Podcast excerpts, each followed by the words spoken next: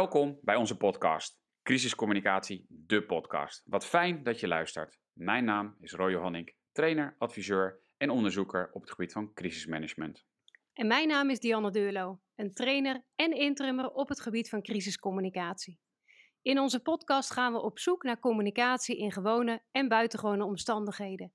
Crisiscommunicatie noemen we dat vaak. Maar wat maakt crisiscommunicatie nu zo bijzonder? Dat kan van alles zijn, zo blijkt echt iedere keer weer. Maar wat dat alles is, dat willen wij graag weten. En daarom gaan we gewoon in gesprek met verschillende collega's.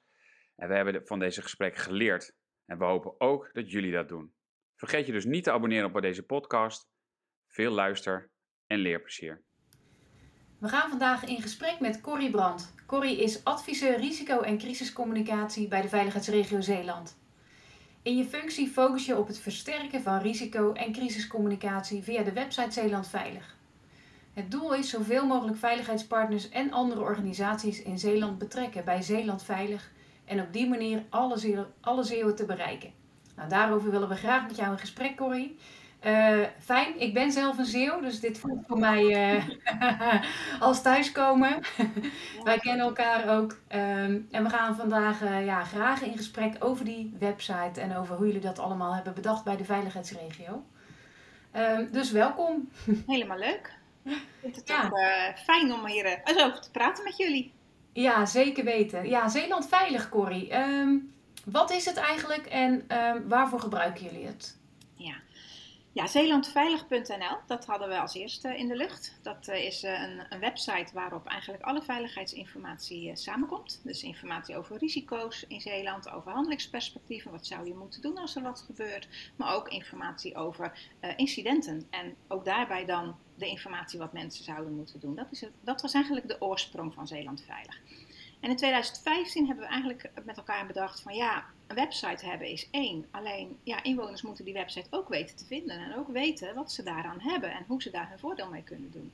En eigenlijk zijn we op dat moment begonnen om het veel breder in te zetten. En om, om Zeeland Veilig echt neer te zetten als een, als een breed communicatiebeleid. Waarbij ons doel is om zoveel mogelijk inwoners te gaan bereiken. En eigenlijk, de ambitie die daarbij hoort, is dat iedere Zeeuw gaat bijdragen aan veiligheid in zijn eigen omgeving. Kijk, er kan natuurlijk altijd wat gebeuren. Hè. We, overheden, maar ook uh, bedrijven proberen natuurlijk Zeeland zo veilig mogelijk te houden. Er wordt van alles aan gedaan. Uh, alleen ja, een ongeluk zit in een klein hoekje en er kan altijd toch wel wat misgaan. En we willen ook dat inwoners dat gewoon weten, dat ze beseffen dat dat gewoon zo is. En ook wel dat ze zelf ook een bijdrage daaraan leveren. Ze zijn, wij zijn met z'n allen als inwoners ook risicoveroorzakers. Denk bijvoorbeeld aan die brand in huis. Er zijn in Zeeland toch zo'n uh, 150 woningbranden elk jaar ja, daar zijn we soms zelf bij en hebben daar zelf ook uh, aandeel in.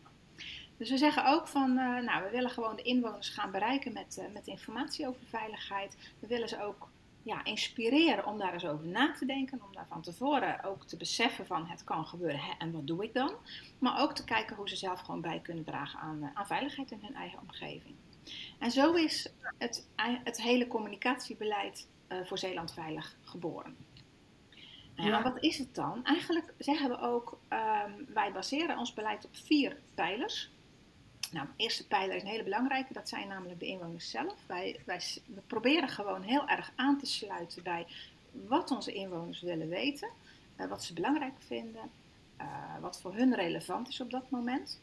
Nou, de tweede pijler is, wat ik net al zei, de website zeelandveilig.nl, maar ook de sociale kanalen die daarbij horen. De derde pijler is uh, dat we gaan voor een hele brede samenwerking in Zeeland. We willen gewoon zoveel mogelijk partijen steeds hierbij betrekken en kijken van ja, hoe kun je nou elkaar versterken in, in je communicatie met de inwoners en hoe kunnen we het dan ook voor de inwoners zo logisch mogelijk gaan maken. En de vierde pijler is dat we zoveel mogelijk ook willen gebruik maken van inzichten uit onderzoek. Er wordt natuurlijk heel veel onderzoek gedaan, dat jullie ook, hè, op, op allerlei gebieden. Gedragsbeïnvloeding, maar ook uh, publieksperceptie. Hoe denken mensen over risico's? Wat vinden ze daarvan? Kijk, en, en die onderzoeken, die onderzoeksresultaten leveren gewoon inzicht uh, op voor communicatie. Maar bijvoorbeeld ook dagelijkse monitoring. Wij kijken dagelijks in een, in een dashboard uh, van OB41 uh, wat we hebben ingericht om, om te zien van, ja, wat wordt er nu online over veiligheid gezegd? Ehm, welke berichten worden gedeeld? Wat leeft er op dit moment? Omdat als het leeft, als er wat over gezegd wordt, is het ook relevant voor inwoners. En dat is ook het moment dat je daar dan op in kan stappen. Dat je daar dan wat mee kan doen. En zo heb je eigenlijk op verschillende manieren proberen we de communicatie met de inwoners rondom veiligheid uh, te stimuleren. Ja, en um, Zeeland Veilig is dan, want ik hoor jou zeggen, hè, ook in de voorbereiding eigenlijk, dus om mensen bewust te maken, dus eigenlijk die risicocommunicatie. Ja, ja. En jullie gebruiken hem tijdens een crisissituatie, tijdens een incident ook om dan informatie te geven over eh, de situatie en wat mensen dan kunnen doen. Ja, klopt. Dat is ook een hele bewuste keuze om dat heel dicht bij elkaar te brengen.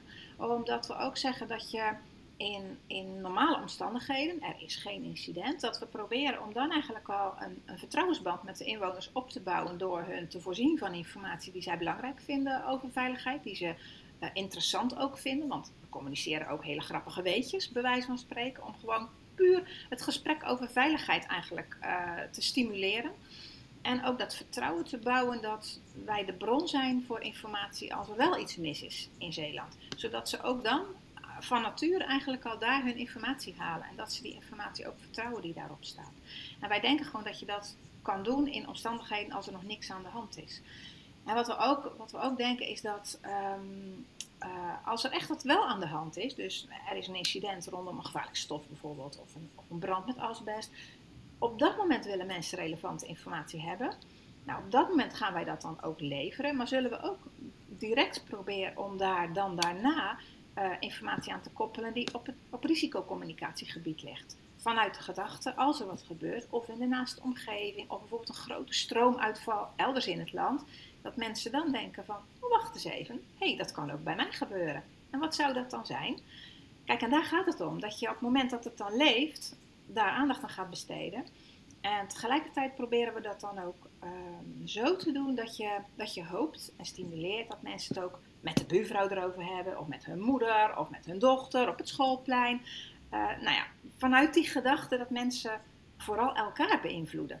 Ja. Dat weet je ook, hè? Jij, jij bent ook gevoelig en ik ben ook gevoelig voor. Uh, als mijn zusje iets zegt of als mijn buurvrouw iets vertelt, dan denk ik, oh ja, hmm, daar moet ik ook eens over nadenken. Dan, dat komt heel dichtbij. Ja, het is natuurlijk heel mooi dat je met dit platform en met de andere uh, kanalen daarbij, dat je probeert dat gesprek uh, aan te ja. zwengelen en de mensen daarin te voeden.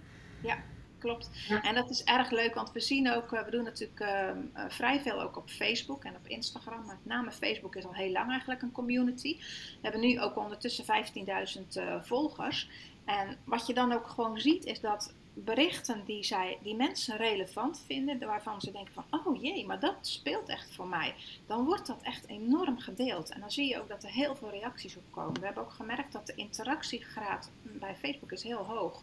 Mm. Het is ook een doelgroep die daarop zit, die wij ook wel belangrijk vinden. Het zijn natuurlijk met name mensen zo, ja, nou ja, pakweg tussen de 30 en de 60, om maar wat te noemen, een doorsnee.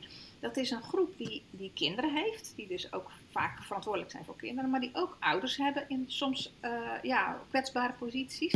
Waardoor je zo'n generatie probeert aan te spreken die best wel veel invloed heeft in de eigen omgeving. En dat is ook heel belangrijk, want we, we zeiden ook van ja, daar gaat het ook vooral om. Dat je heel breed probeert een groep aan te spreken die, die dan zelf actief aan de slag gaat met veiligheid.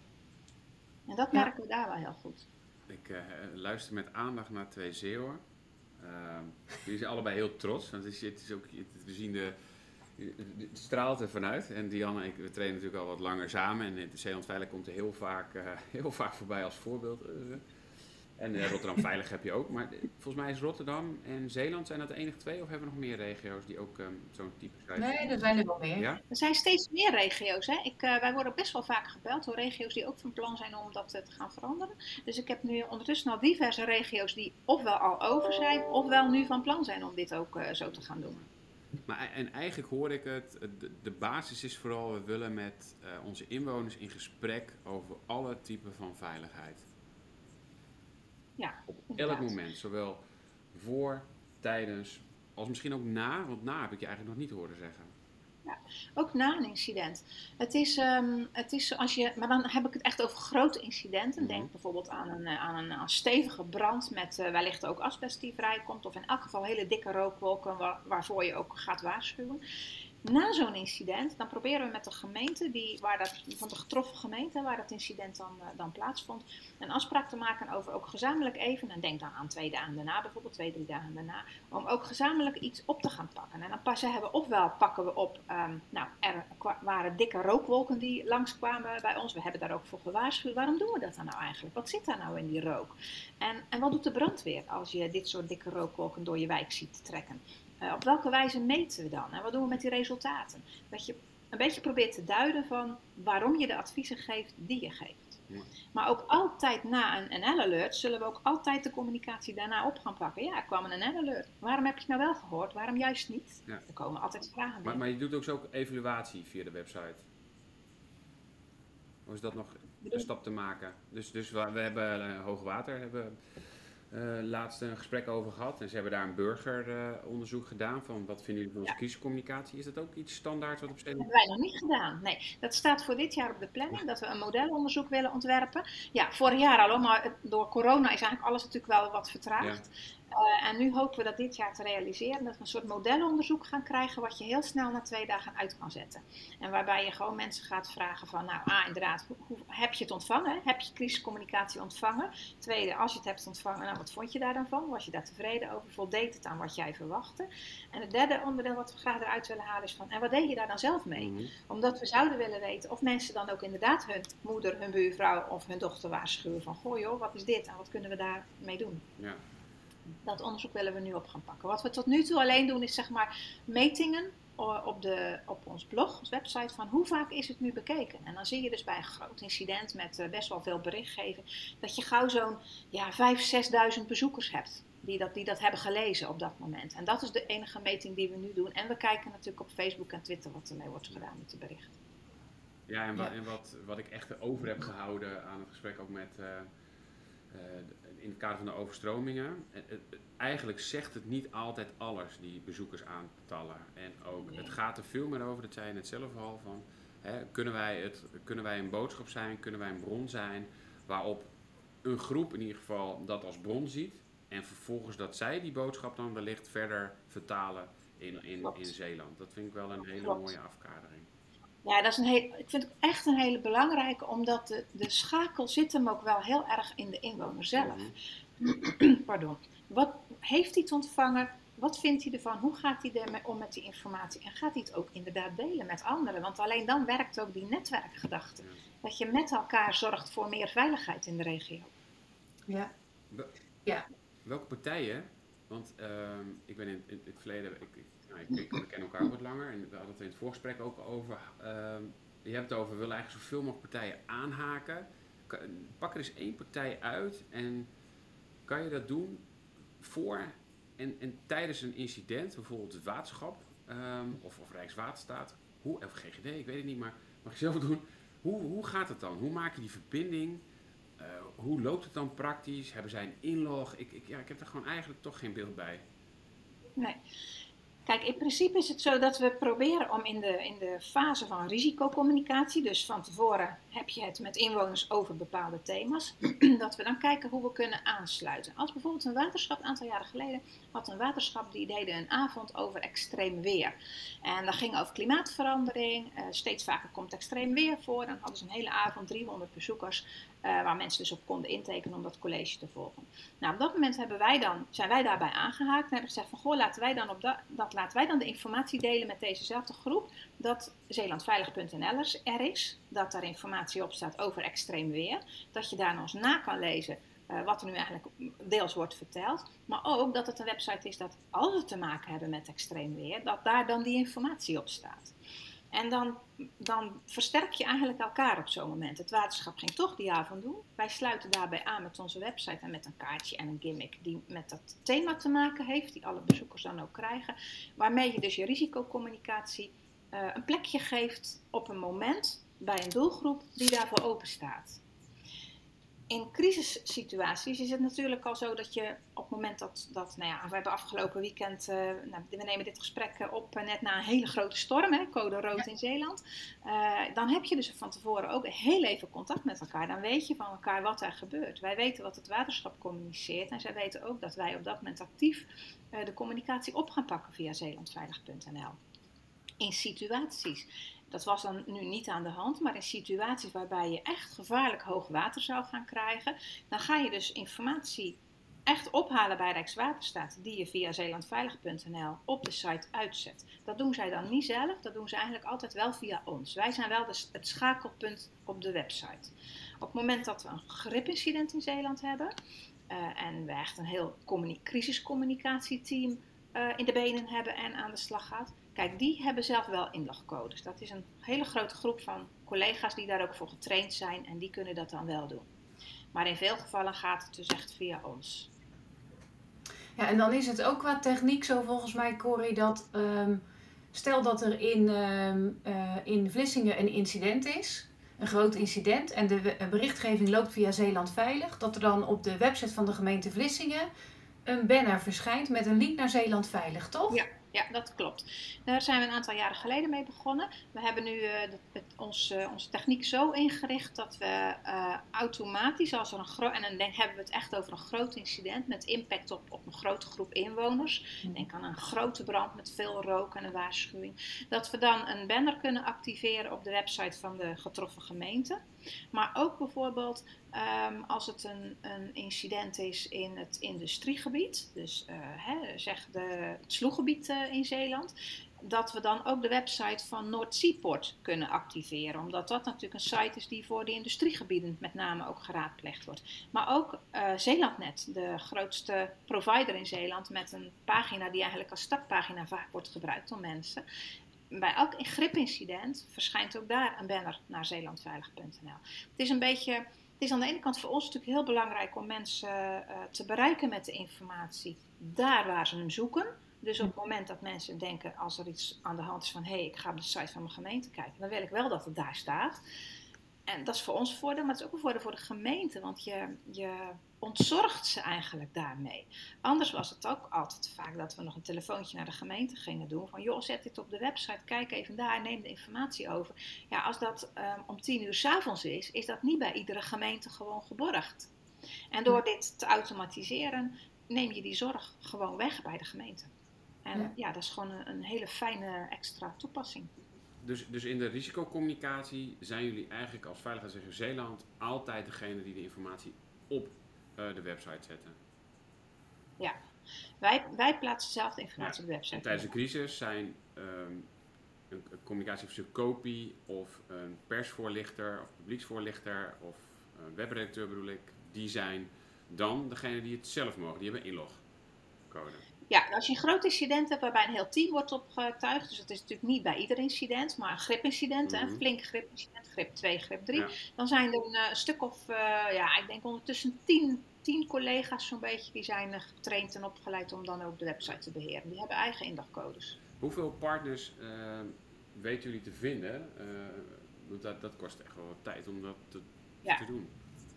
Ja, dat gaat niet vanzelf. Kijk, Weet je, eh, wij hebben ook, we zijn hier natuurlijk mee begonnen toen in 2015, 2016 om, om heel sterk die partners te gaan betrekken, ook bij risicocommunicatie. Op dat moment was er wel al met veel partners een band als het gaat om crisiscommunicatie. Waterschap, GGD, Rijkswaterstaat, politie natuurlijk met name, de gemeenten. Het zijn de natuurlijke partners als je, als je te maken hebt met een incident. Maar ook bijvoorbeeld collega's van, van BSO-bedrijven, mm -hmm. grote chemische bedrijven, waarbij je toch ook uh, die verbondenheid zoekt op het moment dat er een incident is bij hun bedrijf. Dus dat was een, een basis om met elkaar het zo te hebben van, goh, laten we kijken of we ook al in de risicocommunicatiesfeer wellicht uh, soms dingen samen kunnen oppakken. En ook als er mogelijk iets gaat gebeuren, maar het nog niet zo ver is, want dan zullen we vaak ook al wat communicatie op gaan zetten. Nou, ik geloof gewoon heel erg in die kracht van samen doen en van netwerken en van verbinden. Ook bijvoorbeeld van uh, berichtgeving delen via interne kanalen van partijen in Zeeland. We hebben zeker in de beginfase ook uit, uitdrukkelijk gesproken met allerlei zorginstellingen in Zeeland. En ook echt gevraagd of zij in hun interne kanalen naar de eigen medewerkers ook die informatie wilden uitzetten over, in dit geval zeelandveilig.nl, zodat zoveel mogelijk mensen die website ook gaan kennen. En dat kan je alleen maar doen als je als je, je verbonden voelt met het thema. Dus we hebben toen ook heel erg in geïnvesteerd om met heel veel partijen te praten, het uit te leggen waarom is dit zo belangrijk en waarom willen we dit zo graag wat vinden jullie daarvan en hoe kunnen we elkaar daarin vinden? Nou ja, en denk dan aan partners als de bekende Rijkswaterstaat, het Waterschap, GGD, maar ook de Rode Kruis, um, DCMR, uh, de BSO-bedrijven. Uh, politie is een hele belangrijke partner, doen we veel mee. Kijk, en het werkt ook andersom, want wij volgen natuurlijk uh, elke dag de, de berichtgeving over veiligheid, van, waardoor je ook al die berichten van al die partners kom je ook tegen. Als het Rode Kruis in Zeeland een bijeenkomst doet over zelfredzaamheid, om maar wat te noemen, dan zien wij dat. Als we het nog niet al van tevoren weten, vaak bellen ze van, nou we gaan een bijeenkomst doen, zodat je het van tevoren al weet. En dan kan je het ook delen, zodat je met Zeeland Veilig ook weer die berichtgeving van die partner deelt. Waardoor je met z'n allen een heel groot bereik hebt. Ja, maar dit, uh, wat het fascinerende is, is dat je eigenlijk gewoon. Je, je, kan, hier, uh, je kan hier ook 40 man opzetten als team. Ja, dat uh, zou kunnen. Want je kan de hele dag uh, het aantal veiligheidspartners en, en het perspectief. is oneindig. Oneindig. En veiligheid ja. gaat over economische veiligheid, gaat over ja. ecologische veiligheid. Je kan ook zeggen, ondermijning is ook zo'n issue wat, waarvan ja. we zeggen, hoe, hoe, hoe kader je dan af? Want um, het lijkt me heel moeilijk, maar dan ga ik ook naar de Janne kijken. Hè? Wat vind jij dan, wat vinden Dennis en jij van de website? Hoe ga, wat ga je erop zoeken dan? Dus, het, hoe hoe ja, je af dan? Ja, misschien ben ik niet natuurlijk helemaal. Uh, want... Dennis, gewoon Dennis dan, ja. Kijk, ik ben sowieso fan ja. en uh, ik ben ook, omdat het mijn werk is, uh, ermee bezig. dus ja, ik denk dat ik niet helemaal een, een goede nee. vergelijking zeg. Maar hoe kader je af dan? Laten we dat wel doen, want veiligheid is zo'n ontzettend containerbegrip. Ja, dat klopt. Kijk, in basis ben, kan je zeggen als veiligheidsregio ben je van fysieke veiligheid. Mm -hmm. hè? Dat is zeg maar de core, onze core business. Daar is het ook wel bij begonnen. Maar tegelijkertijd merk je gewoon dat veiligheid in de beleving van inwoners veel breder is. Ja. Daar zit ook die inbraak, hoort ook bij veiligheid, om maar wat te noemen. En inderdaad, ondermijning noemde je al heel erg wel ook een politiethema van gemeenten. Maar het heeft wel heel erg met veiligheid te maken. Dus ook daarin, dat, ook dat zullen wij ook wel oppakken. Um, in die zin dat we daarmee de, de communicatie van de partner versterken. Dus als de politie over ondermijning, de ondermijning als een thema gaat zien in een bepaalde week of een bepaalde periode, dan gaan wij daar iets mee doen. Ja. Maar ook als je bijvoorbeeld een, als een hennepkwekerij wordt opgerold, een hele grote, dan gaan we dat wel vermelden. Want die hennepkwekerij zorgt ook voor brandgevaar in de omgeving en is dus een gevaar in de omgeving. Ik denk dat ik een kader heb. Vertel, vertel. Nou ja, je zegt fysieke veiligheid. Um, uh, dat is een indeling. Uh, de indeling die wij uh, vaak gebruiken is openbare veiligheid. Hè? Dus de burgemeester is verantwoordelijk voor openbare orde en openbare veiligheid. De OOV'ers in ons land, waar ik zelf ook ben geweest. Maar eigenlijk zeg je, maar we gaan kijken of, het klopt hoor. Alle incidenten die ons heen gebeuren op het gebied van economische veiligheid, dus in het bankwezen, misschien ondermijning op, op rechtsorde, ehm, misschien iets in het, in het transport of in, um, in de logistiek al die elementen, daarvan zeg ik altijd, die raken uiteindelijk de openbare veiligheid, hè, fysieke veiligheid zeg jij. Oftewel, het gaat in de kern altijd over schade aan mensen, schade aan dieren, zaken en schade aan milieu.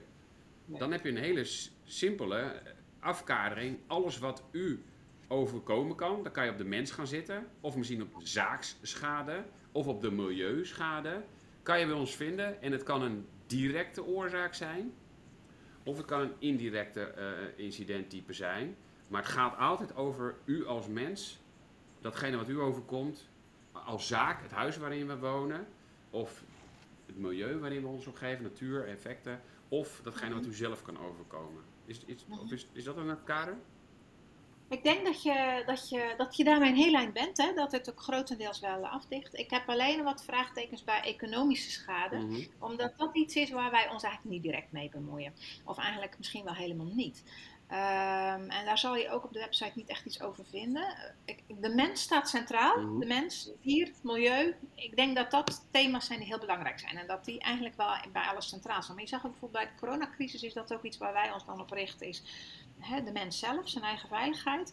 Eh, de openbare orde natuurlijk en veiligheid, van hoe je daar eh, aan bij kan dragen. Maar op het moment dat het om economische belangen ging van, van inwoners door deze lockdowns werden zij benadeeld, daar, hebben we ons, daar bemoeien we ons niet mee. Gewoon helemaal niet. Ja, dus de, de, de vergoedingen die, uh, die wij als onder, onder, wij, nee, wij niet hoor, die ondernemers konden krijgen, als voetbalclub dan wel, uh, ja. uh, die wij konden krijgen, dat element dat kon je niet terugvinden op de site. We zeggen, gemeente, red je. En provincie in dit geval, ja. daar zat ook een stimulering bij de provincie. En dan verwijzen, we, dan verwijzen we door. Dus dingen waar we niet van zijn, als, als het wel relevant is voor de inwoner en ze daar toch wel vragen over hebben, dat zie je natuurlijk in je, in je omgevingsbeeld, dan, dan verwijzen we door. Oh ja, heel erg. Kijk, en dan nog, hè, laat ik gewoon heel eerlijk zijn. Het is zo breed. Je, je, we beseffen, je moet ook beseffen dat je nooit alles kan doen. Dat dat gewoon niet gaat. En dan, dan kom ik toch weer wel terug op, op, die, op ons eerste basisprincipe. Is wat is nu relevant voor de inwoners? Waar kunnen wij nu iets mee? En daar probeer je dan bij aan te sluiten. En waar, wat vinden onze partners belangrijk? En hoe kunnen wij onze partner dan onder, uh, ondersteunen bij het bereiken van, van die inwoner met wat op dit moment voor die persoon belangrijk is? En dan nog maak je gewoon wel keuzes. Je kan toch niet alles. Je kan hier 10 FTE opzetten op dit project. Uh, maar dat hebben we niet. Hè? Dus dat, en dat gaat hem ook niet worden. En dat is ook een, denk ik een hele goede keuze. Want ja, je hebt schaars, met schaarse middelen moet je ook uh, heel, heel goed omgaan. Dan ga je dus kijken wat kan je wel en wat kan je niet doen. En de afgelopen twee jaar hebben we natuurlijk, zoals alle veiligheidsregio's, ook heel erg met de gevolgen van de coronacrisis te maken gehad. Nou, 2020 ja, hebben we nauwelijks geïnvesteerd in vernieuwing. Vorig jaar is dat dan weer wel begonnen. Wat ik dan vorig jaar bijvoorbeeld heel leuk vond, is dat uh, in het voorjaar kwam ik een, um, een, bericht tegen in de media dat uh, KNRM-stations in Zeeland wat hechter wilden gaan samenwerken. Nou, die zijn natuurlijk op zich autonoom, hè, maar ze wilden wat meer gaan samenwerken om de bezoekers in Zeeland te bereiken met informatie over de gevaren in zee. Want ook in Zeeland allerlei verschillende gevaren. Nou, voor mij bingo. Ik las dit, dus gelijk contact leggen met een uh, contactpersoon bij de KNRM. Goh, wie kan ik daar eens over bellen? Kunnen we het hier eens over hebben? Want ja, we hebben gemeenschappelijke doelen. Wij willen ook voor de bezoekers een veil meer veiligheid in Zeeland. Nou, zo is het balletje gaan rollen en al heel snel kwamen we erop uit dat we een uh, webpagina gingen maken voor de KNRM-stations in Zeeland. Dat we daarop centraal zetten, zo heet de pagina ook, uh, Veiligheid in Zee, Veilig aan Zee. Mm -hmm. uh, en dat centraal zou staan de verschillende KNRM-gebieden en wat daar nou in zee en aan het strand voor typische gevaren daar zijn. Hoe is het anders als je bij uh, Katzand gaat zwemmen dan dat je uh, in Noord-Beveland gaat zwemmen of in Vlissingen? Met welke bijzonderheden heb je daar te maken? Nou, dat was een webpagina die is er nu. Die is ook breed uitgezet, ook door de KNRM-stations zelf. Vervolgens hebben we een interviewserie gemaakt met de, de schipper van, van deze KNRM-stations, waarbij ze ook nog een keer konden vertellen van, goh, wat, kom ik nu tegen en waar loop ik tegenaan en waar, waar moeten toeristen, ja, mensen die hier recreëren, vooral op, op letten. Het is een leuke serie ook geworden en die is eigenlijk super breed gedeeld, zowel door de KNRM als door de gemeente als door ons. En ja, de webpagina is ook heel goed bezocht. Kijk, en dan denk ik van, wauw, leuk. Weer zo'n leuke samenwerking. En die hadden we drie jaar geleden nog niet. En zo, zo bouw je eigenlijk gestaag aan dat netwerk en aan die informatie voor de inwoners in Zeeland. Met nog steeds de wetenschap van ja, we, we hebben niet alles. We, dat kan ook gewoon niet en dat hoeft ook helemaal niet. Als we maar met z'n allen uh, ja, zoveel mogelijk doen en organiseren om die inwoner en die bezoeker uh, te bereiken met goede informatie. Nou Roy, je snapt toch wel waarom ik fan ben? nou even, maar ik ga... Ik, ik zit ook te kijken, wat grappig. We hebben... Hè, vorige, de vorige aflevering ging over het Rode Kruis. En daar is dat een onderdeel in uh, over een driedeling. We, we, we doen aan crisiscommunicatie, dat zegt jij ook Corrie, uh, vanuit Zeeland uh, veilig. Um, een andere indeling was, maar die zit hier wat minder relevant, is dat het de medewerkers betreft. Als die, daar sta iets zei, daar zijn Merlijn over, daar, daar hebben wij ook crisiscommunicatie over. Maar wat interessant is, wat ik uit die podcast heel erg gehouden, overgehouden heb en hier ook hoor, is dat eigenlijk we bezig zijn. Uh, wat zijn de risico's die in Zeeland spelen? He, we zijn aan het monitoren, we zijn aan het volgen. En we kijken of we daarbij kunnen aanhaken bij partijen die daar een reguliere verantwoordelijkheid op hebben. Dat kan KNRM zijn als voorbeeld. Dat, dat vind ik ja. wel. Ja, en, ja. dan kan je inderdaad zo extreem groot team gaan. Maar dat vind ik wel, ik vind wel gaaf eigenlijk gewoon. Dus je bent continu aan het monitoren waar, waar ligt misschien vanuit die organisatie, maar nog beter vanuit de burger de behoefte, waar die, waar die informatie over wil hebben. Klopt, en dat, zeg, je nu net zei, vond ik, vind ik ook precies hetgeen van uh, wat ook de bedoeling steeds is geweest. de verantwoordelijkheid ligt gewoon bij de partijen die erover gaan, die er ook het meest over weten. Kijk, je moet niet aan ons, bij wijze van spreken, vragen van waar, nou waar het onveilig is in zee en wat je dan moet gaan doen. Helemaal niet. Maar waar het om gaat is dat je juist die partijen die daar veel van weten, versterkt in hun communicatie met de inwoners. En dat alles met als doel dat die inwoner op, op, de goede, op het goede moment de goede informatie krijgt, wat echt relevant is en waar die wat mee kan. En in dit geval waren het natuurlijk ook de, de, de recreanten die deze informatie nodig hadden. En vandaar ook dat die gemeente weer belangrijk was om ook die informatie te delen via de met name recreatiegemeenten. Maar ook dat je van tevoren nadenkt van welk, welk platform gebruikt nu de recreant of de toerist die naar Zeeland komt om die informatie te, te hebben. Dus, en dan was de website van de VVV, wat natuurlijk vorig jaar in Zeeland is overgenomen door de provincie. Daar zit een bepaalde tak die, van de provincie die nu die website uh, Visit Zeeland uh, beheert. Hebben we wel contact gelegd met de, met, de, met de provincie in dit geval. Van joh, op die website van jullie, die gericht is op de toerist, moet je wel deze informatie opnemen. Dus die hebben ook die informatie opgenomen over uh, Zeeland Veilig, Veilig in Zee, moet je daar zien. Maar ook paar... hij, staat er ook in Duits op dus nu? Hij is ook vertaald, staat er ook in Duits op, ja. Nee, echt? Oh, dat was een grap, maar dat is serieus waar. Nee, zij, zij vertalen die informatie in Duits en Engels. Dat doet dan de provincie op verzoek van ons. Maar ook nou, informatie over een NL-alert bijvoorbeeld. Ja, ik zei van, weet je, die telefoons van toeristen, die krijgen ook die NL-alerts. Dus als jullie er nu voor zorgen dat op jullie site ook staat dat je in Nederland een NL-alert kan krijgen en wat dat dan betekent, dan hebben ze daar wat aan. Meine Güte, was ist los hier? Ja, NL-Alert, noch niemals gehabt. Ja. Sehr wichtig. Sehr wichtig.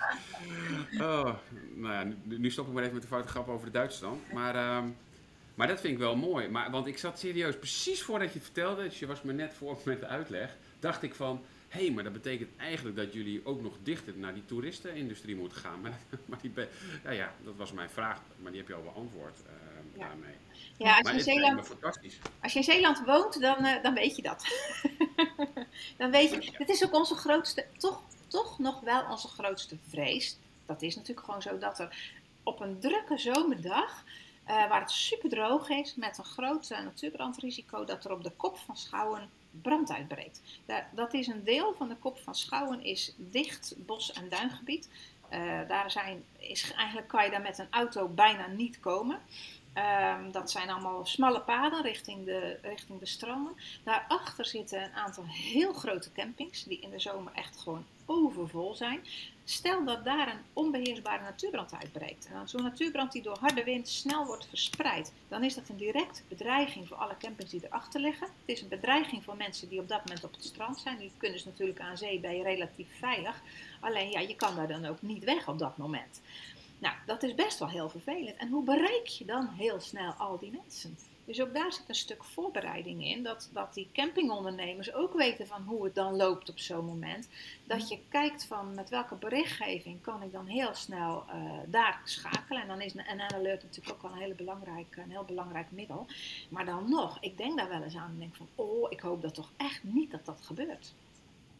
Nee. Misschien nog een stapje verder gewoon, want ik, ik volgens mij heb ik waarom zeg je niet tijdens risico en misschien incidentcommunicatie dat ook een Rijkswaterstaat of een KNRM een inlogcode krijgt? Nou, eigenlijk omdat iedereen in dat soort situaties sowieso natuurlijk al druk en bezig is met zijn eigen processen. En mhm. de website en het beheer daarvan wel heel erg ons proces is als crisiscommunicatieteam. En dat je veel makkelijker de speel kan zijn in die crisiscommunicatie naar buiten toe. Zodat je ook daar als team, zeg maar, als een aantal personen die daaraan werken, ook de regie erop hebt dat op het juiste moment de juiste informatie erop staat. En dat je niet verrast wordt door uh, informatie die misschien wel net even anders is. Is ook gewoon natuurlijk heel handig om, om informatie te hebben die, die past bij het totaal. Ja, maar, maar uh, er zijn toch ook crisis en incidenten waarbij de veiligheids, oh, sorry, de regionale crisisorganisatie geen rol meer heeft of klaar is Terwijl je wel de informatie nog aan je burgers wil geven. Nee, dat klopt. Dat, dat is zo. Dat zou kunnen. En kijk, en dan kan je ervoor kiezen om iemand anders een logcode te geven, maar dat, dat hebben we niet gedaan. Wij, wij willen dan gewoon zelf wel die, uh, die service verlenen, dat we het er zelf op zetten. Dus we vragen. Omdat het dan weer overgaat naar corporate of zo. Weet je, zeg, als, als, de, als de crisisorganisatie is afgeschaald, dan gaan we weer over naar corporate. Dan, maar dan doe je dus eigenlijk ook aan, aan incidentcommunicatie. Om een Nou, weet je, gebruiken. eigenlijk, eigenlijk gaat het ook niet echt over naar corporate. We hebben in feite bij, eh, bij de veiligheidsregio ook een aantal mensen die met name risico- en crisiscommunicatie doen. Ja, En daar zit het dan. maar ja, ja, maar risicocommunicatie, dat, sorry, dat is voor mij dan corporate, omdat Ja. het een dagelijkse verantwoordelijkheid is van de veiligheidsregio en je niet opgeschaald bent. Dus dat is in mijn bewoordingen noem ik dat corporate. Ja, ja. En, Maar- en nou ja, maar er zijn toch incidenten met een olievlek of weet ik wat, waarbij je misschien niet helemaal opgeschaald bent en, en waarbij je denkt van laat dan die partij, een Rijkswaterstaat of, of, weet ik, die de communicatie en dan gaat het, ja, waar, waar zet je hem dan onder? Of is dat dan nog steeds een incident die je op de site wegzet? Het, is een, het blijft onder het incident. Met name, nou ja, dan toch even terugkijken naar zo'n zo'n olieverhaal. Hè. Er is een, een olielekkage op zee. Het, op een gegeven moment is het, is het eh, gat gedicht. eh, de situatie is veilig. Maar er kan nog steeds olie op de stranden komen. Waarmee we het incident eigenlijk wel afsluiten. Dan hebben we op de website wel de informatie staan. Die, die met name te maken heeft met die olie op de stranden. Tot het moment dat het op een andere website staat. Op het moment dat de olie op de stranden van de gemeente Veren komt. De gemeente Veren heeft dat goed geborgd op hun website. Eh, dan zetten wij op Zeeland Veilig een linkje van zie hier informatie op de, op de site van de gemeente Veren. Maar zolang dat niet is, zullen wij het ophalen en op zeelandveilig.nl zetten. Maar Zeeland Ja, Veilig weet je kan- is ook een portal, dus het is ook door linkjes te plaatsen ontsluit je het eigenlijk ook. Hebben jullie een beeld bij ehm, eh, hoe goed nu de Zeeuwen die website al weten te vinden? Hebben eh, in januari vorig jaar, dus januari 21, hebben we een panelonderzoek laten doen. Dat hebben we gedaan door ZB Planbureau. Die hebben een, eh, een panel in Zeeland die ze vragen stellen rondom allerlei thema's. Nou, op dat moment hebben we een eh, vragenlijst rondom veiligheid laten uitzetten. En daar was ook een vraag bij van kent u zeelandveilig.nl. En op dat moment kende bijna de helft van het panel kende ze. Nou is een panel natuurlijk niet één op één eh, de hele populatie. Eh, er is wel eh, gecorrigeerd voor, voor de inwoners. Dus ze gaan ervan uit dat het redelijk representatief is, maar goed, het blijft een panel. En dan is het bijna de helft. Kijk, het enige wat wij zelf dan meten is het aantal bezoekers natuurlijk aan de site. En dat, dat is met name in, in ja, met corona is het natuurlijk gigantisch gestegen. Ook de, de vaste volgers van onze sociale media is enorm toegenomen. Dus ik denk dat dat, dat ja, elk nadeel heeft zijn voordeel.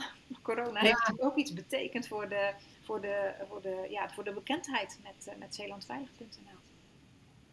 Zit die, de, de socials hebben we niet over gehad, want we hebben nu alleen maar over Zeeland Veilig. Maar Zeeland Veilig is ook socials, begrijp ik. Ja. Ja. Er horen ook eh, socials bij. We hebben als basis eh, ooit gestart met eh, Twitter, wat natuurlijk met name voor de incidenten van belang is. Dat is, ja, Twitter volg je als je wil weten wat er rondom een incident speelt. En ook de media volgen het heel erg. Maar we hebben een Facebookpagina, Zeeland Veilig. Die heeft eh 15.000 volgers. En dat is een beetje zo'n centrale community waar gewoon heel veel gebeurt, waar we heel veel uitzetten. Waar we ook, ehm, we gebruiken dat ook zeg maar om, om interviews te plaatsen met allerlei mensen die in Zeeland aan veiligheid werken. Daar zijn we in 2017 mee begonnen en dat is een wekelijks eh, verhaal. Iedere keer zie je weer iemand anders die iets vertelt over zijn of haar werk of waar die mee bezig is of wat hij belangrijk vindt. Als het maar te maken heeft met veiligheid. En dat gaat dan van een AOV'er tot een tunneloperator tot eh, iemand die bij de brandweer van, van een BRZO-bedrijf werkt.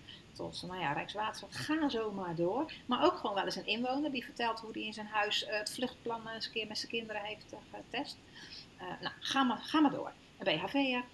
Uh, maar ook weetjes vertellen we daar leuke nieuwtjes die iemand misschien nog wel niet kent. Uh, ja, dat zijn een beetje vaste rubrieken die we naast de inhakers, uh, waarmee je zeg maar een band gaat opbouwen met je inwoners. Dat is 15.000 volgers. We zijn in 2020 gestart met Instagram. Uh, toen uh, van, met name vanwege corona, om een wat breder kanaal te hebben wat ook veel wordt geraadpleegd. Nu is Instagram ook echt iets om te laten zien wat betekent veiligheid voor jou. Maar ook de rubriek Jong en Veilig, dat is een rubriek die hebben we nu een jaar. Waarbij we met jongeren, zeg maar tot uh, 30, aan het woord laten van hoe zij, nee jij niet meer Roy, niet meer. maar hoe zij laten zien hoe ze al, ja, toch als een jongere in Zeeland naar veiligheid kijken en hoe ze zelf bijdragen aan veiligheid. Jonge vrijwilligers bij de brandweer, maar ook gewoon iemand die bij de dierambulance werkt hoor, want dat kan ook. Hè? Dat is ook veiligheid voor mens en dier, dus dat heeft met veiligheid voor een dier te maken. Dus daar is Instagram weer wel populair voor. Uh, en ja, YouTube is ook zo'n kanaal wat we gebruiken, maar daar met name om uh, als filmpjesopslag, om dus ook weer via andere kanalen uit te zetten. En als je bij ons op YouTube kijkt, dan, uh, dan zie je wat instructiefilmpjes van hoe zet ik mijn mechanische ventilatie uit, om maar wat te noemen. Maar ook de serie Zeeland Veilig, die we nu sinds vijf jaar hebben bij Omroep Zeeland. In de tweede week van oktober, dat is de Zeeuwse Week van de Veiligheid. Daar zijn we mee begonnen in 2016. Uh, Zeeuwse Week van de Veiligheid, waarbij je veiligheid in al zijn facetten laat zien in zo'n week. En onder andere is er dan s'avonds een tv-uitzending. En dat zijn tv-filmpjes van 5 tot 7 minuten. Waarin ook een veiligheidsthema aan de orde komt. En wat op verschillende manieren belicht wordt. Nou, ook die staan dan op YouTube. Die we ook weer via andere kanalen uitzetten. En daarmee verbreed je eigenlijk je, je platform. Ja, en dat is ook volgens mij mooi, hè? Dat je, um, je hebt echt zo'n middelenmix. En uh, je bereikt daarin verschillende mensen. En kijk, ik neem altijd ook in trainingen mijn ouders altijd als voorbeeld. Um, ja, die, die zitten niet op Facebook. Dus die, of op Twitter of op Instagram. Dus die ga je echt niet bereiken. Nou, die weten wel van de website af. Uh, weet ik ook niet of ze eraan denken, maar uh, ik denk er wel aan. Dus uh, ik ja. app dan mijn ouders van, ja. joh, eh, kijk even daar. Kijk even daar. Of ja, je hebt nu schade aan je huis, bel niet 112, maar bel dat 0900 nummer. Weet je, dat soort dus zo heb je wel weer die, ja, die olievlek. En dat is wat je wil bereiken volgens mij. Dat is ook inderdaad waar je, waar je heel graag wil bereiken. Dat mensen eraan denken om een ander te waarschuwen. Dus we zetten het er ook wel eens gewoon echt bij. Van waarschuw mensen in uw omgeving. En dat kan ook de buurvrouw zijn van 80. Waarvan je denkt van ja, die, die zit niet op socials. Die heeft de website helemaal niet in beeld. Maar met elkaar proberen we natuurlijk zoveel mogelijk mensen te bereiken. En daar, eh, daar wil je eigenlijk op richten. Maar bijvoorbeeld ook, dat vind ik dan wel heel erg leuk, is waar we, dat hebben we vanaf het begin af aan opgepakt. Van nou, communicatie via de socials en de website is één. Maar twee, is Omroep Zeeland als, als regionale omroep ook eigenlijk belangrijk voor ons. Die bereiken toch weer een doelgroep die wij wellicht niet bereiken. Dus via radio en tv Omroep Zeeland ja, pak je toch een groep mee die, die niet op de socials zit, die niet uh, uh, jouw website steeds bezoekt. En waarmee je dan eigenlijk toch ook die, die groep bedient met de informatie die je zou willen delen. Maar ook de huis-aan-huisbladen. Ik ben ook fan van de huis-aan-huisbladen. Ja. Echt, want die, mijn oma las dat ook, en, uh, om maar wat te noemen. En ik denk van ja, dat, dat wordt gewoon zo breed bekeken. Zodat je, nou ja, in de week, in de Zeeuwse van de Veiligheid zetten we iets in de huis- en huisbladen altijd heel breed, over allerlei thema's. Maar we zijn in, moet ik even nadenken, mei 2021 ook gestart met een rubriek in een, een, een van de grotere huis- en huisbladen in Zeeland. Dus niet helemaal mhm. dekkend, maar wel uh, een van de grotere. En die heeft dan de rubriek die wij op Facebook zetten. Het interview met iemand rondom veiligheid. Plaatsen die één op één in, de, in het huis- en huisblad. Waardoor je met dezelfde content een hele andere doelgroep ook bedient. Over een thema wat relevant is voor de lezers. Ah, superleuk. Leuke reacties ook op gekregen. En waarmee je ook weer een beetje die versterking krijgt van die middelenmix. Ik, ik hoor eigenlijk een continue oproep um, om na te denken over wat de veiligheidsproblemen zijn in Zeeland. Maar ook vooral een continue oproep in je verhaal klinkt dan door. Heb ook gewoon een gezicht voor um, degene om je heen. Um, want die kunnen ook misschien wel getriggerd worden en, en weten niet zo goed waar ze informatie moeten uh, zoeken of vinden. Dus, dus laten ook omkijken toch wel naar die, me, naar die medemens bijna. Dat hoor ik ook continu zeggen. Ja. Dat vind ik wel vind ik wel een mooie oproep. Uh, maar kunnen we een stapje verder gaan dat, we, uh, dat, we, dat jullie site ook daar ruimte voor gaat bieden? Uh, of, of zijn jullie zo Google aan het worden? Dat je zegt van, hé, hey, we, we, we weten via Google gewoon waar toeristen het meest op zoeken. Of hé, hey, we weten via Google waar onze inwoners het meest op zoeken. Zodat wij ook weten, want hoe weet je dat? Voor nu halen we onze informatie met name uit die monitoring, die dagelijkse monitoring van de sociale kanalen, de online kanalen, waarbij je ziet waar ze mee bezig zijn. En we monitoren wel, welk bezoek aan onze site uh, of er gedaan wordt, dus welke pagina's worden nou wel en niet uh, veel bekeken. De stap die je nu noemt vind ik een hele interessante. Dat is er ook een waar we het over hebben gehad als een soort uh, toekomst. Nou, wij hoopten er, er vorig jaar al mee aan de slag te gaan, maar ja, vorig jaar is nog steeds de corona-naweeën hebben ons een beetje apart gespeeld. Maar dat is inderdaad om meer te duiken in Google Analytics en meer te gaan kijken van wat kan dat nou voor ons betekenen? Kunnen wij hier uithalen eh, wat straks een thema is. Want het gaat er natuurlijk om wat mensen nu van belang vinden, maar ook al een beetje waar ze ja, nieuwsgierig naar zijn. En inderdaad, waar ze misschien ook wel een beetje ongerust naar zijn. Dat je gaat kijken naar de zoekwoorden die ingevoerd worden in Google, waar mensen informatie halen. Ik- We hopen altijd door, door de manier waarop de site is opgebouwd en door de informatie die erop staat, dat je hoog in de rankings komt. Dat mensen automatisch al snel op jouw site komen. Maar het kan ook inderdaad heel interessant zijn om te horen van misschien eh, zoeken ze wel naar informatie die wij kunnen leveren, maar dat nu nog niet doen. En dat misschien wel zouden kunnen gaan doen. En moeten gaan doen, wellicht ook. Want dat is ook interessant. Ik denk natuurlijk nu, een van de thema's die we dit jaar willen gaan oppakken, is ehm, alle gevaren en alle, gevol of alle gevolgen die erbij bij komen van, als gevolg van de nieuwe energievormen. Dus de elektrische auto's, uh, elektrische fietsen is wel al wel iets langer, maar ook met name de auto's. Maar het feit dat ook zoveel daken vol zonnepanelen gaan liggen, dat brengt ook hele eigen uh, dingen met zich mee. Want er, zijn, er is ook wel eens een dak in brand gevlogen, waarbij wat stukjes uh, van die panelen in de rond vlogen. Nou, daar moet je ook iets mee. Ja. Um, en zo zijn er natuurlijk meer dingen te bedenken. En ja, het hele cyberverhaal is er ook nog heen. Hè? We, met z'n allen zijn we steeds kwetsbaarder op allerlei mogelijke manieren. Nou, op welke manier moeten wij daar dan op ingaan? Hoe kunnen we inwoners faciliteren dat ze ook hierin uh, hun informatie krijgen die ze nodig hebben? Rondom cyberveiligheid hebben we dan wel die pagina al gelanceerd vorig jaar. Uh, omdat dat natuurlijk vorig jaar heel erg toenam, echt schrikbarend toenam. We kregen ook van de politie wel concreet op de vraag van dit neemt zo toe, zullen we daar met z'n allen ook eens wat aan gaan doen? En daar is die pagina geboren. En dit jaar is het echt die nieuwe energie en de gevaren die daaruit uh, voortkomen. We hebben ja. ook wel eens vragen gekregen van, goh, ik woon in de buurt van een windmolen. Ja, stel je voor dat dat ding op hol slaat. Wat gebeurt er dan? Kan dat gevaar opleveren? Nou, dat zijn toch hele reële, hele reële vragen van mensen. Waar ik misschien nog wel benieuwd naar ben, is wat uh, zijn er nog wensen voor de toekomst? Want we hebben het over de burger moet meedenken, de burger moet betrokken worden, veiligheidsproblemen. Zijn er nog wensen? Uh... Wensen? Ik heb altijd heel veel wensen. wat dat betreft uh, nog uh, zat. Uh, maar een belangrijke wens gaat toch wel heel kort in, binnenkort in vervulling. Want um, wij zijn nu bezig met een, de Zeeland Veilig app af te ronden. Die gaat, we gaan we van de week testen. En als dat allemaal goed verloopt, dan gaan we die in maart introduceren. En dat is nou ja, een Zeeland Veilig app. Hij is gekoppeld aan de website zeelandveilig.nl. Uh, alleen een app heeft natuurlijk een aantal extra's die een website niet kan bieden. Ten eerste heb je snel je informatie bij de hand, maar ook je kan notificaties instellen. Je kan instellen dat jij een, een alarm wil krijgen, een notificatie wil krijgen op het moment dat er een incident, een groot incident in jouw naaste omgeving is. Dat is locatie-based, dus als je je locatie aan hebt staan in de app, dan weet hij dat, waar jij bent en zal die jou een notificatie sturen als daar in jouw omgeving een groot incident is. Maar ook je kan postcodes ingeven.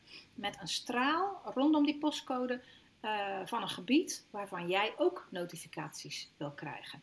Dus denk bijvoorbeeld aan um, waar je ouders wonen, waar je kinderen studeren of een andere plek waar je werkt. Uh, dat je gewoon wil weten in die omgeving, als daar een groot incident is, dan wil ik daar een notificatie van, uh, van ontvangen. Nou, dat denk ik dat wel weer een toevoeging is aan de website, waardoor ja, je de inwoners nog makkelijker kan helpen dat zij die informatie krijgen op het moment dat, waar dat belangrijk is voor hun. Kijk, je hebt natuurlijk een NL-alert, dat is bij een groter gevaar, maar er zijn ook situaties waarbij geen NL-alert wordt gestuurd, maar wat toch heel fijn is als je weet dat er in je omgeving wat aan de hand is. Het gaat toch even, dat is, dus ik als uh, toerist in Zeeland kan hem dan ook downloaden? Ja. ja Want dat, gaan, bij, uh, dat komt bij Constantie namelijk ook, dat vond ik fantastisch toen. Ja. Dat, dat, dat, vond ik echt fantastisch. En dan had je de consultatie-app en je kon een bepaalde notificaties downloaden. Het is echt heel simpel en ik weet ook dat verschillende evenementen dat hebben. Maar dat, dat is mooi. Dat klopt. En inderdaad, en we gaan ook die app dan zeg maar de, uh, introduceren via de bekende kanalen. Maar onder andere ook natuurlijk via de website van de provincie, die met name gericht is op de toerist die naar Zeeland komt.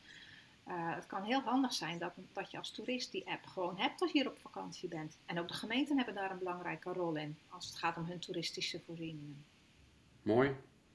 Ja. Nou, mooi hoe jullie dan ook op, op nieuwe ontwikkelingen, hè, op echt toch die behoefte uit de maatschappij, de inwoners, uh, uh, proberen op te halen en daarop in te spelen. Uh, je begon daar het gesprek ook mee. Hè? Je zei het is echt op basis van vier pijlers gebaseerd. De inwoners op nummer één.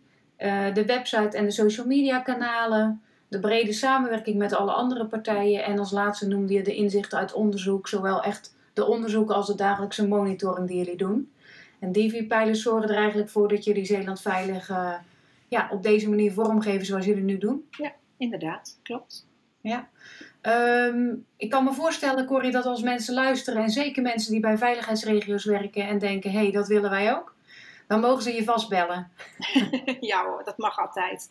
En, uh, er komen ook wel eens wat telefoontjes binnen. En ik vind het altijd leuk om erover te vertellen. En uh, nou ja, hoe meer hoe beter. Waar het om gaat is dat we met z'n allen... Het is ook onze payoff, zeg maar. Onze slogan is met elkaar maken we Zeeland veilig. En zo denk ik dat je gewoon met elkaar in Nederland ook Nederland veilig kan maken. Door met z'n allen heel hard te werken om die, om die inwoner ook uh, in positie te krijgen dat hij zelf ook heel erg bijdraagt aan veiligheid.